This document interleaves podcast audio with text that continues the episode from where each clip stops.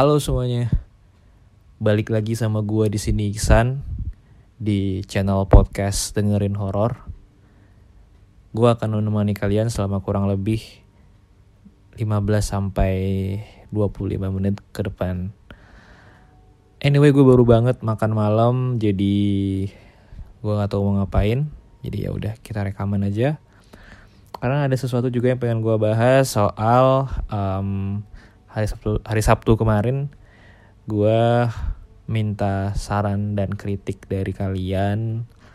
Dan alhamdulillah udah terkumpul eh, lima persen lah dari pendengar episode itu.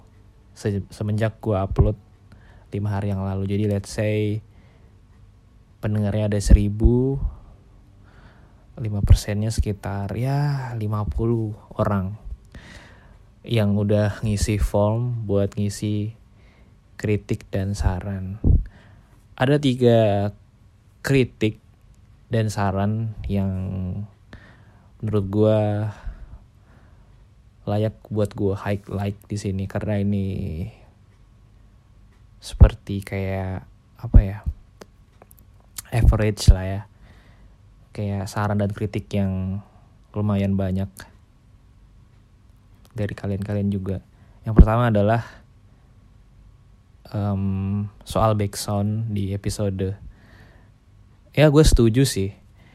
Um, dulu di episode pertama, episode awal-awal gue tuh kan gue ada ngisi backsound gitu kan. Jadi di episode itu ada backsound horror gitu. Tapi uh, agak ke sini gue hilangin karena gue pengen lebih simpel sederhana dan gue pengen ya lu semua pada fokus ke apa yang gue omongin aja gitu. Tapi oke okay lah. Kita coba nanti. Uh, mulai dari episode ini bakal gue coba masukin masukin background horror. Oke okay. yang kedua adalah soal konsistensi gue upload episode.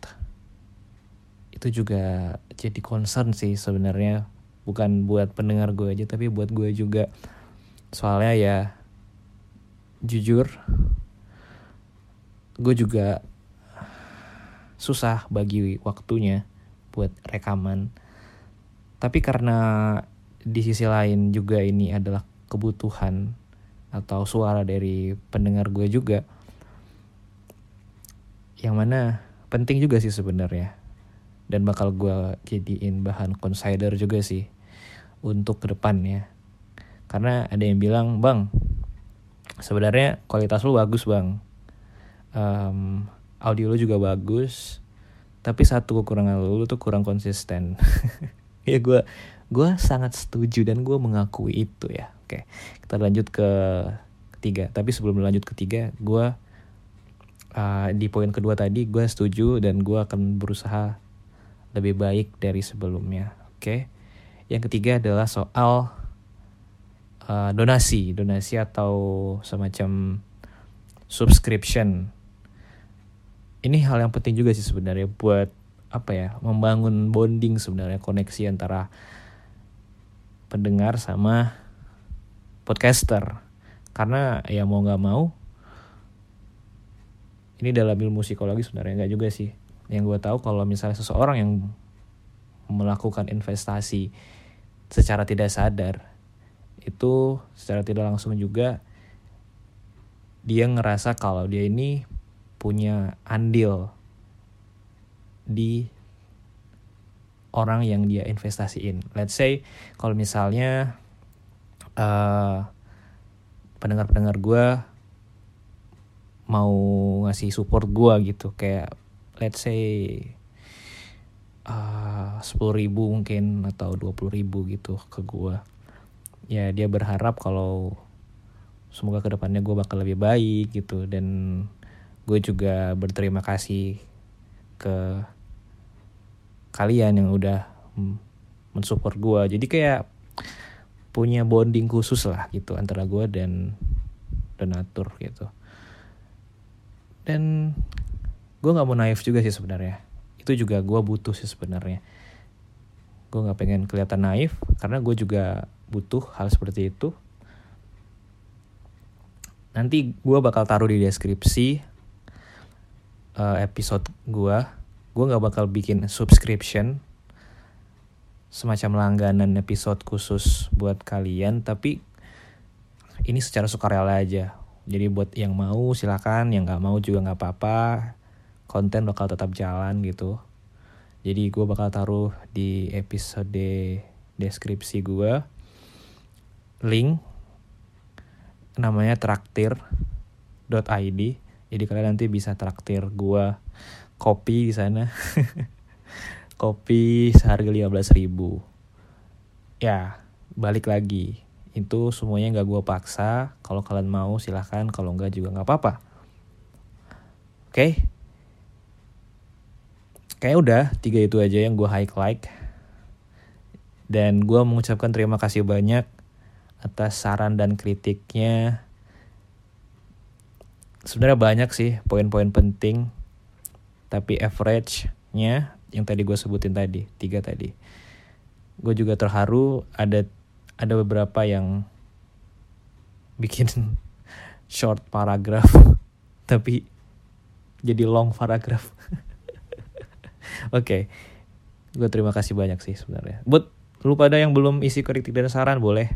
Nanti gue taruh di pin Spotify episodenya.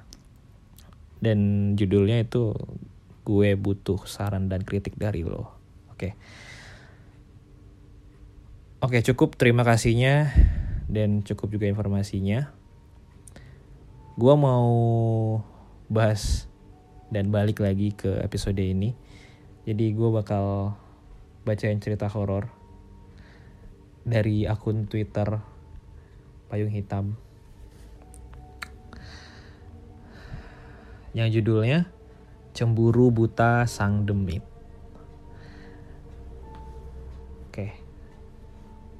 Makhluk ini mengganggu keluargaku dan menewaskan orang yang tidak bersalah sama sekali.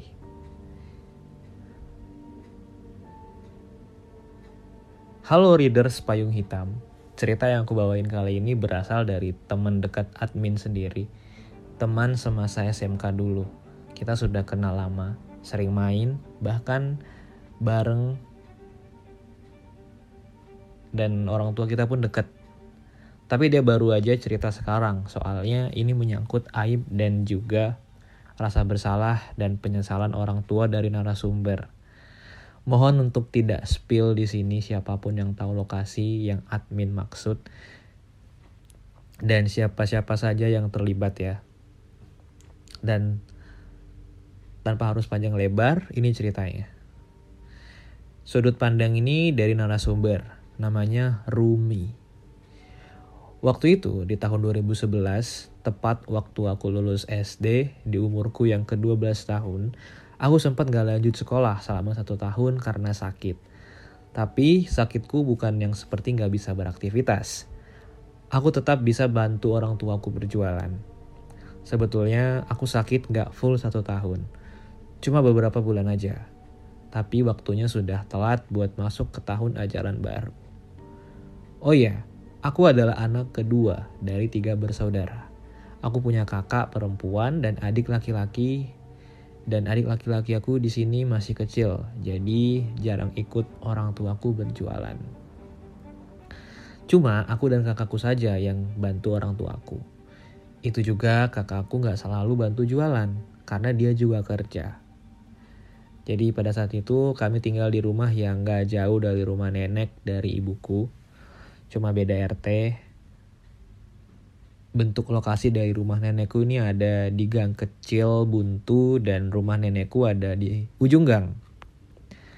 Di depan rumah nenekku ada rumah kecil tingkat yang dimanfaatkan keluargaku untuk dapur tempat masak makanan yang kita jual nantinya. Orang tuaku jualan makanan matang dan juga minuman siap seduh di kantin proyek pembangunan sebuah hotel di daerah Jakarta Timur. Biasanya yang beli dan makan di warung orang tuaku adalah pekerja kuli bangunan di sana, security, dan lain-lain. Bangunannya saat itu baru setengah jadi, tapi kami jualan di lantai tiga bangunannya. Di sana cuma ada warung orang tuaku. Gambaran denahnya juga tanpa sekat antara warung dan tempat duduk makan pembeli. Dan etalasenya juga nggak besar. Pokoknya lantai tiga itu kelihatan lowong banget atau luas banget karena nggak ada sekat sama sekali. Lalu di tengahnya diletakkan meja makan dan juga bangku-bangkunya. Kegiatan kami selama berjualan yaitu pagi pergi ke dapur tempat kami masak di depan rumah nenekku. Setelah selesai semuanya barulah kami set warung di gedung hotel tersebut uh, kayak siap-siap gitu. Jarak antara rumah nenekku dan hotel betul-betul di belakangnya, nempel dengan pagar tembok pembatas pemisah hotel dan pemukiman warga. Hanya saja kami harus memutar ke jalan besar supaya bisa masuk ke hotelnya. Ya kira-kira perjalanannya kalau naik motor 5 menit dengan jarak 150 meter. Ya dekat kan, Makanya kami bisa sekalian berangkat dan bawa panci-panci berat berisi makanan matang. Jaraknya lihat 150 meter, ya deket sih. Naik motor 5 menit, jalan kaki ya 10 menit lah ya. Gak jauh-jauh banget lah. Nah oke. Okay. Kami saat itu punya motor satu. Jadi gak bisa sekali jalan. Biasanya bapak dan ibuku pergi duluan sekaligus bawa peralatan jualan Kemudian bapak balik lagi jemput aku atau kakakku. Selalu ada satu orang yang jaga di dapur untuk membantu nenekku masak. Oh iya, saat itu nenekku masih bisa bantu-bantu masak jualan kami. Tapi karena ini terlalu berat, karena makanan yang kami jual banyak, kadang kita mempekerjakan pembantu rumah tangga untuk membantu segalanya. Mulai dari urusan rumah sampai membantu kami jualan. Sikat cerita, pada saat itu keanehan pertama yang aku rasakan saat berjualan di sini, posisinya siang hari, cuma aku dan ibuku yang ada di warung. Tempat duduk tempat duduk di depan nampak sepi, belum ada yang istirahat karena belum waktunya makan siang. Tapi tiba-tiba waktu aku lagi sibuk dengan HP ku, ada yang bilang di depan tempat orang biasa pesan. Dia bilang, Mbak, kopi hitam satu ya. Kata pembeli itu. Terus aku nyahut, iya. Sambil segera cepet-cepet noleh. Tapi ternyata gak ada siapa pun di sana. Karena aku bingung, aku tanya mamaku. Aku tanya ibuku. Bu, dengar nggak tadi ada yang beli? Atau lihat nggak? Tanya aku ke ibu. Terus kata ibuku enggak nggak ada orang. Yang bener bu. Tadi barusan ada yang pesen bu. Ah gak usah aneh-aneh kamu. Orang gak ada kata ibuku. Ia memang seorang yang penakut. Padahal kan aku cuma pengen minta kejelasan aja, tapi memang lama-lama merinding karena secepat itu pembelinya pergi dan langsung tak terlihat sejauh mataku memandang. Yang aku dengar suaranya seperti banci karena suaranya ngebas tapi agak melengking. Akhirnya takut aku yang memang agak ngeh, uh, sorry, takut aku yang memang gak ngeh atau gak ngerti, aku tetap buatin kopi hitam tadi sesuai pesanan orang yang kabur tadi.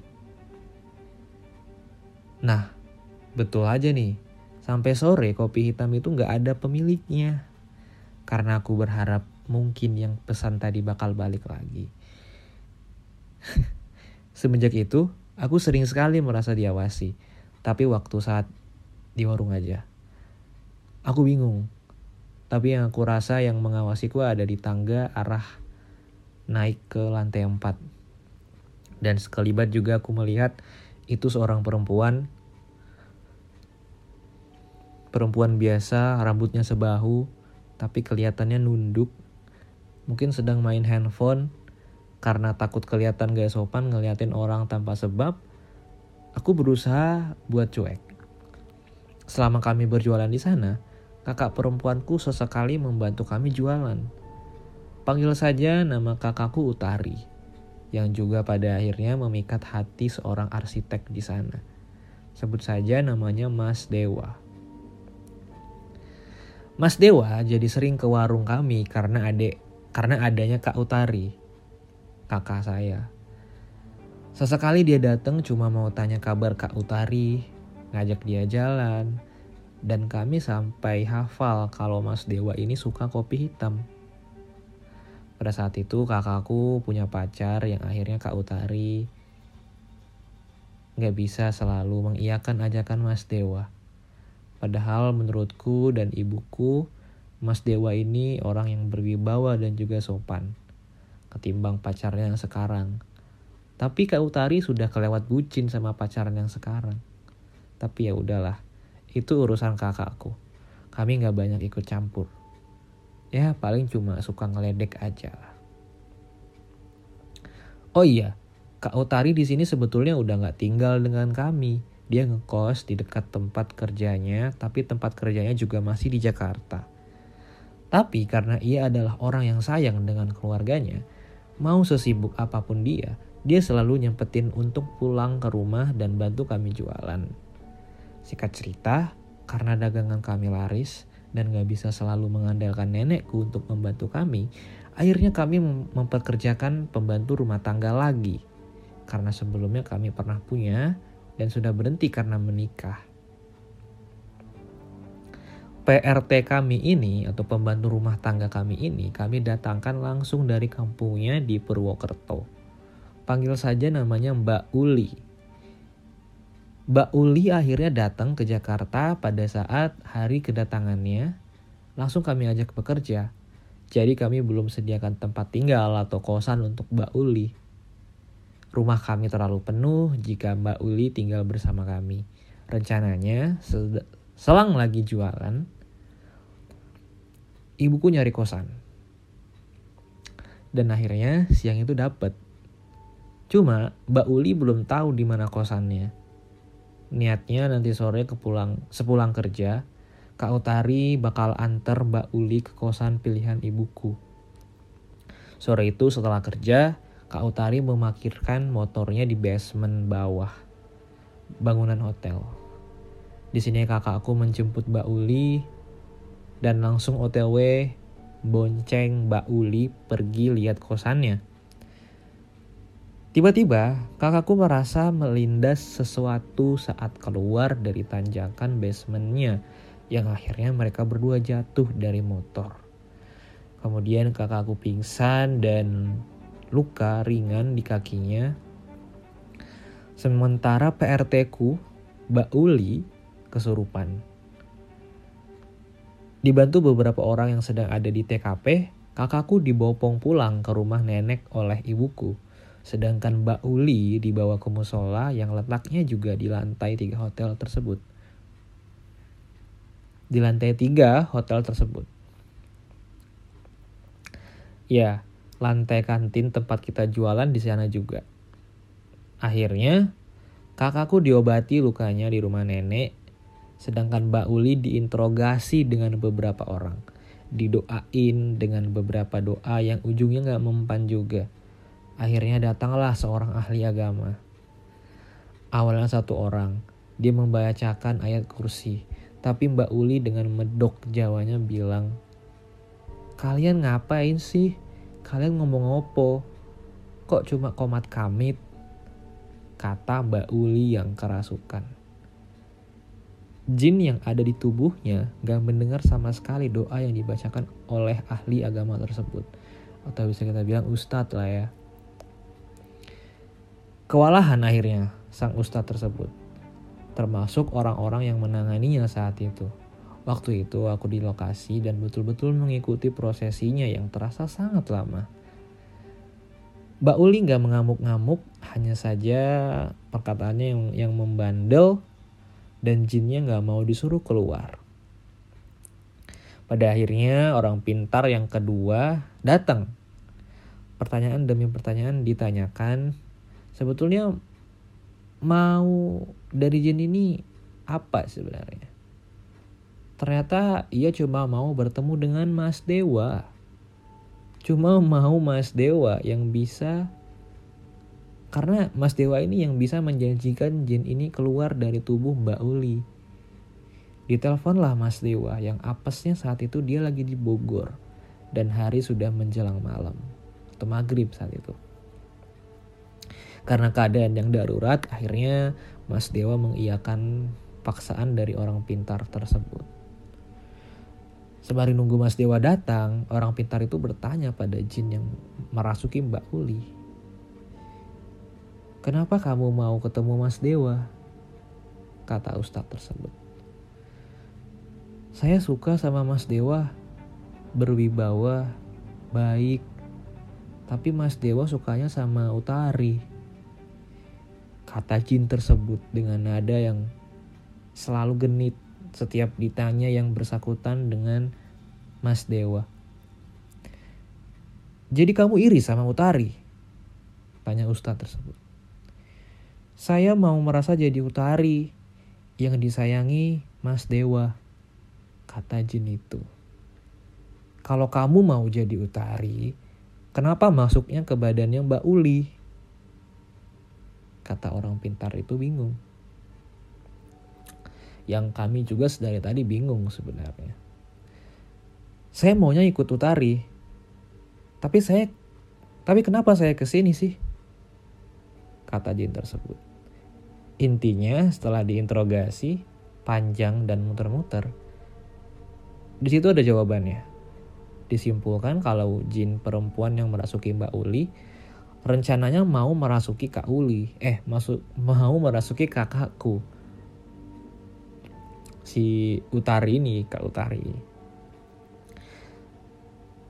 Tapi pengakuan bapakku, ia selalu ngajiin ngajiin kakakku sebelum tidur dan kakakku rajin ibadah lima waktu. Oh, jadi mungkin ya, mungkin gara-gara bapaknya si Utari ini sering ngaji, buat anaknya si Utari ini dan si Utari juga rajin sholat lima waktu. Jadi kayak susah ditarget sama jinnya. Oke terus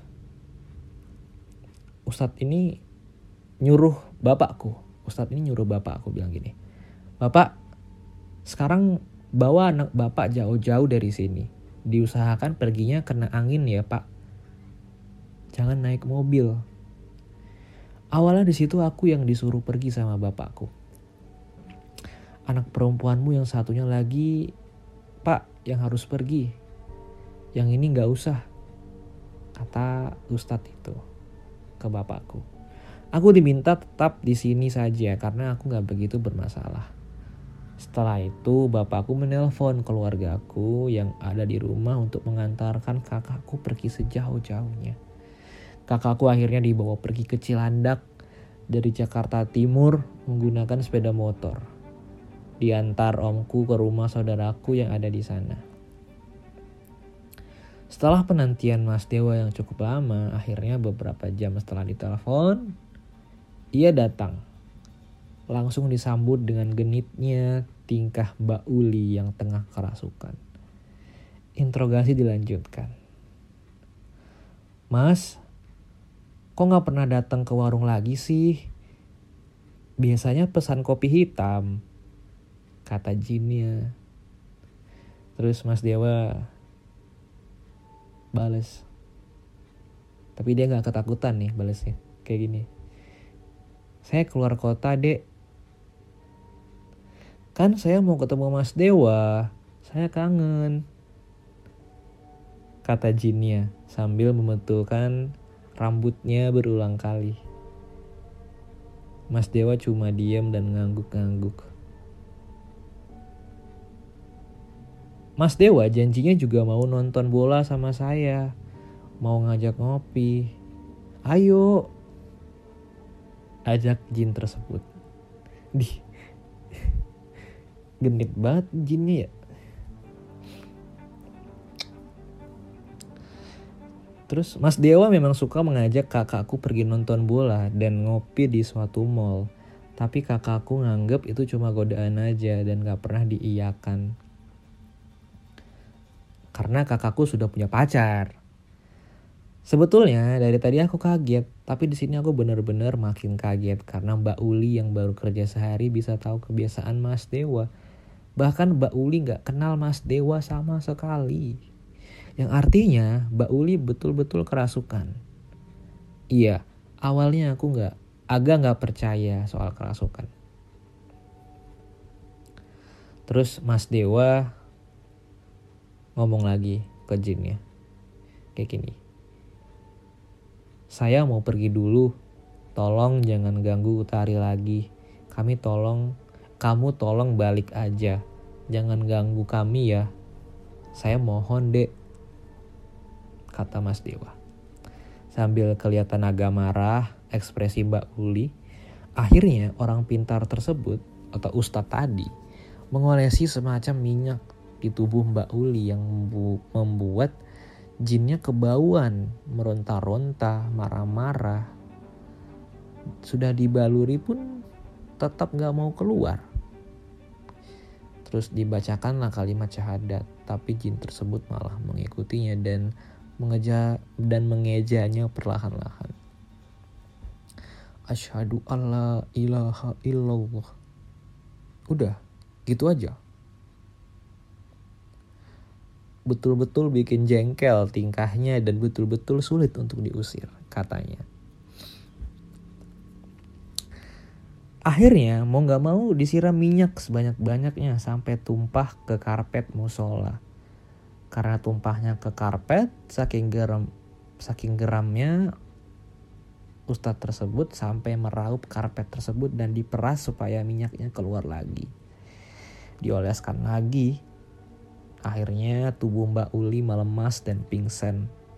Selepas prosesi tersebut Mbak Uli akhirnya kami rawat di rumah setelah sadar Mbak Uli nampak seperti linglung Gak lama kemudian Mbak Uli sakit yang aku sendiri sulit mendeskripsikannya itu penyakit apa. Intinya ia selalu melamun, badannya yang semakin kurus, gak ngejawab saat diajak bicara, pandangannya selalu kosong.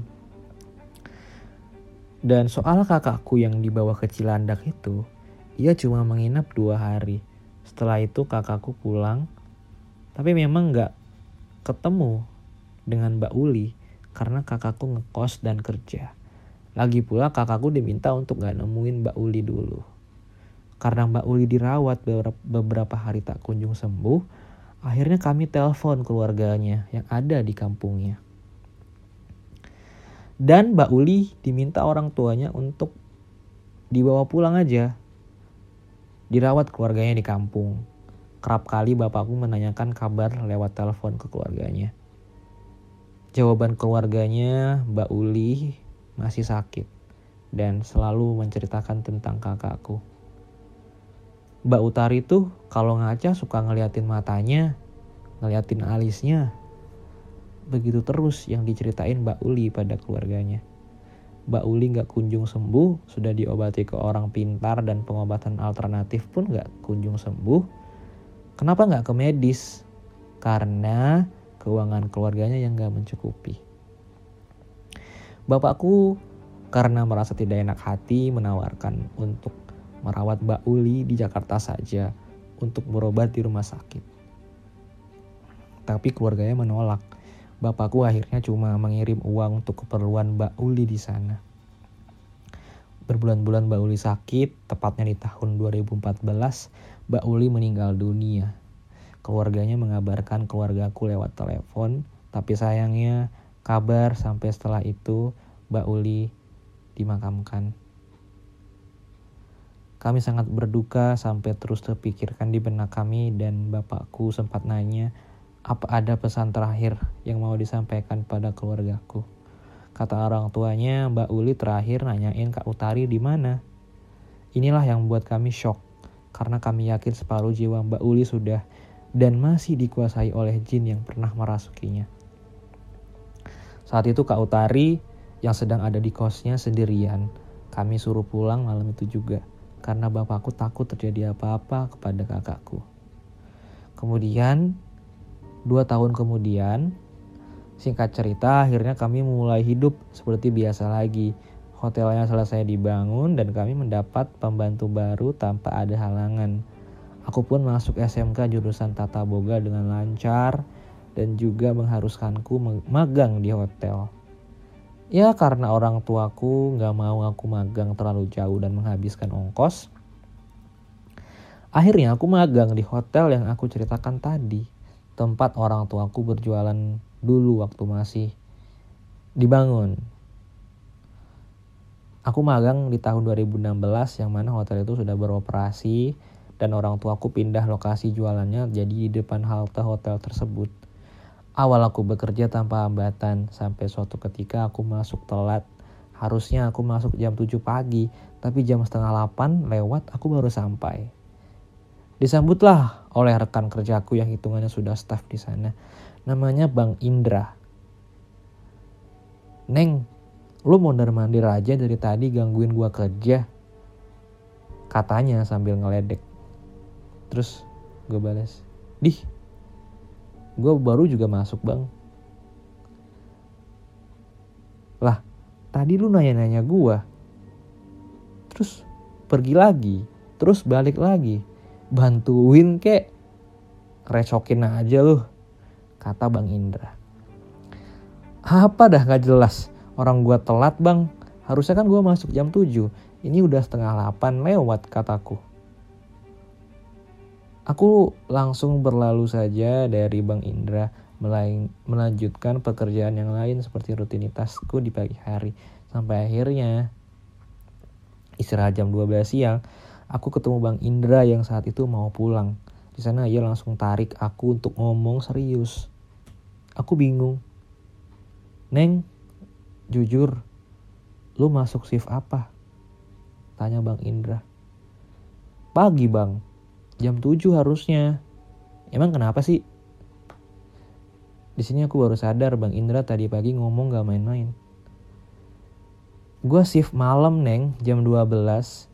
Subuh tadi gue lagi mau ngambil barang di gudang depan musola lantai 3 ada elu di situ duduk tempat lu biasa duduk abis sholat. Nanyain ke gua bang belum pulang? Bang lagi ngerjain apa? Gitu terus mondar mandir akhirnya gua tanya sama lu lu kok tumben udah datang subuh subuh emang lu shift jam berapa? Tapi lu jawab gue dari semalam nemenin elu bang. Terus gue kaget gimana gue gua nggak merinding. Kata bang Indra yang bikin aku inget sama kejadian kakakku dua tahun silam. Sumpah bang gue shift jam 7 mana ada anak magang boleh masuk shift malam. Tanya aja kak Pipit tuh. Dia shift bareng aku. Dia malah tahu aku telat no sampai Bang Indra nggak bisa ngomong satu patah kata satu patah kata lagi gitu. Sebetulnya aku suka pakai sepatu di bangku depan musola itu. Dan kadang setelah sholat aku suka main HP di sana ngobrol sama temanku di bangku itu. Dan aku akhirnya menyimpulkan jin yang dulu merasuki almarhum Mbak Utari masih di sini. Sorry merasuki almarhum Mbak siapa namanya Mbak Uli masih di sini. Karena ia sering mengamati kakakku dan aku. Karena kakakku gak pernah lagi ke hotel itu, jadinya akulah yang dikuntit. Kakakku juga cerita padaku dan keluargaku sebelum kejadian kesurupannya almarhum Mbak Uli. Ia sering kali diamati dan dikuntit sosok perempuan di tangga naik lantai tiga. Justru kakakku pernah jelas melihat sosoknya, tapi seperti perempuan biasa dengan ciri-ciri yang sama seperti aku lihat, rambutnya sepundak, memakai baju terusan, selutut, warna coklat, warna coklat krem terang. Di sini aku berasumsi sebetulnya perempuan itu pakai baju putih gak sih? Tapi kotor tanah jadinya warna krem. Terus Pak Ustadz yang pernah ngobati Mbak Uli juga menjelaskan kalau jin ini sering kali ingin merasuki kakakku atau menyerupai kakakku. Tapi jin ini sering terkecoh denganku karena perawakanku mirip sekali dengan Kak Utari. Setelah kejadian itu semua, kakakku menikah dengan laki-laki yang bukan Mas Dewa atau pacarnya yang dulu, melainkan atasannya waktu ia kerja. Ia menikah dengan lancar dan suaminya pun penyayang, dikaruniai seorang anak perempuan kala itu. Ada cerita lagi soal anaknya yang sampai sekarang gak bisa aku lupain. Entahlah ini ada sangkut pautnya atau enggak, tapi aku masih positive thinking Mungkin semua anak kecil bisa melihat makhluk tak kasat mata. Anak kakakku, sebut saja namanya Salsa, saat itu umurnya 4 tahun. Baru masuk PAUD. Aku sering kali disuruh Kak Utari mengasuh Salsa waktu Kak Utari mau ada acara keluar dengan teman-temannya. Oh iya, setelah kakakku menikah, kakakku tinggal bersama suaminya di rumah warisan orang tua suaminya. Lokasinya nggak terlalu jauh dari rumahku. Cuma memakan waktu 15 menit ke sana. Salsa sering kali ngomong sendiri, tapi lama-lama aku merinding juga. Aku anggap aneh karena Salsa selalu ngomong sendiri menghadap tempat yang gelap dalam lemari piring, atas tangga, dan lain-lain. Pernah waktu itu aku gak tahan mau buang hajat, akhirnya aku suruh Salsa duduk di ruang TV, tapi pas aku selesai, Salsa gak di situ lagi. Aku akhirnya mendengar suara salah ada di dalam kamar kakakku bicara sendiri. Setelah aku dobrak ke pintunya ternyata kamarnya gelap gulita. Aku marah dan menyuruh Salsa keluar dari kamar karena ini sering sekali terjadi apalagi terjadi cuma di rumah suaminya aja. Dan kakakku berinisiatif nanya sama anaknya. Kakak, kakak kalau ngobrol sama siapa sih? Tanya Kak Utari dia manggil anaknya dengan sebutan kakak. Terus salah saya bilang, sama papa. Teman salah kali. Kok mama gak lihat? Papa kan lagi di Lampung nak. Sama papa ih, orang sama papa. Kata Salsa. Yang benar jawabnya, teman kamu kayak papa. Tanya kakakku bingung. Enggak mama, itu papa. Tapi papa jalannya begini nih. Sambil nyontohin jalan sambil membungkuk dengan bahu agak diangkat. Penjelasan salsa di sini didengar oleh nenekku yang punya sedikit kebisaan uh, melihat seperti itu. Itu yang dilihat salsa adalah ari-ari bapaknya, Utari. Ari-ari itu bentuknya menyerupai yang punya Malah bajunya disamakan dengan apa yang dipakainya di hari itu. Tapi sikap dan tingkahnya kayak anak kecil. Kata nenekku. Ah, aku akhirnya makin gak mau lagi ngasuh salsa sendirian. Gimana pun pengalaman ini, betul-betul aku ingat dan gak bisa aku lupain sampai kapan pun. Perasaan bersalah kami sekeluarga tentang Mbak Uli, ketakutan akan keselamatan kakakku dan takut ada ancaman di keluarga kami lagi setelah peristiwa itu. Aku menceritakan ini kepada sedikit sekali orang, bahkan temanku baru. Aku ceritakan sekarang, empat hari sebelum tweet ini di-share. Tapi gak sedikit dari mereka yang menyimpulkan kalau Mas Dewa niatnya menyantet kakakku supaya kakakku menyukai Mas Dewa balik. Karena buktinya Mas Dewa terlihat tenang waktu dihadapkan dengan jin yang masuk ke tubuh Mbak Uli yang bagaimanapun niat orang, aku mau minta kalian tetap berdoa, meminta perlindungan dari Yang Maha Esa. Aku mau meminta doa juga pada kalian pembaca untuk mendoakan almarhum Mbak Uli. Al-Fatihah. Tamat. Wah, plot twist, plot twist banget ya. Ternyata, tapi masih asumsi ya. Mbak, siapa Mas Dewa ini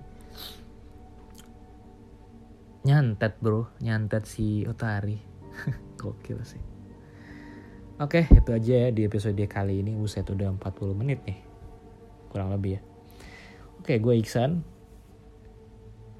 Buat kalian yang pengen kritik dan saran, saran. Buat kalian yang pengen ngasih gue kritik dan saran, bisa ke episode sebelum ini. Oke, ada linknya di situ di deskripsinya. Oke, gue Iksan. Sampai jumpa lagi di episode berikutnya. Bye.